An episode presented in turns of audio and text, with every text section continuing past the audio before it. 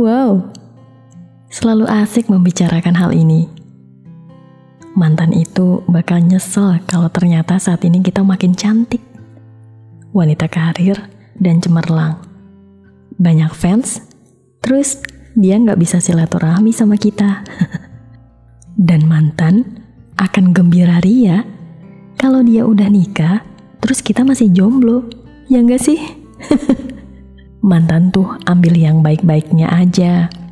Pernah ngerasain cinta, disayang, diperhatiin, kamu bisa ngerasain bahwa hati masih punya rasa. Gak mati dan beku. Cinta dari mantan itu juga bisa bikin semangat hari-harimu loh. Kalau gak percaya, coba aja ngobrol sama mereka yang gak bisa move on sampai sekarang. Pasti semuanya cerita yang indah-indah. Tapi sebagai orang sukses di masa depan tuh harus bisa terima kenyataan.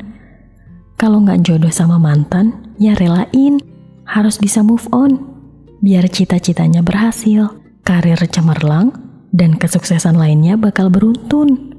Masih banyak kok wanita dan pria yang baik udah dipersiapkan Allah untuk kamu.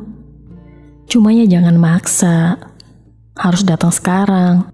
Usaha aja tanpa henti, berdoa juga, minta dihapus bayang-bayang mantan dari aktivitas kamu supaya bisa fokus.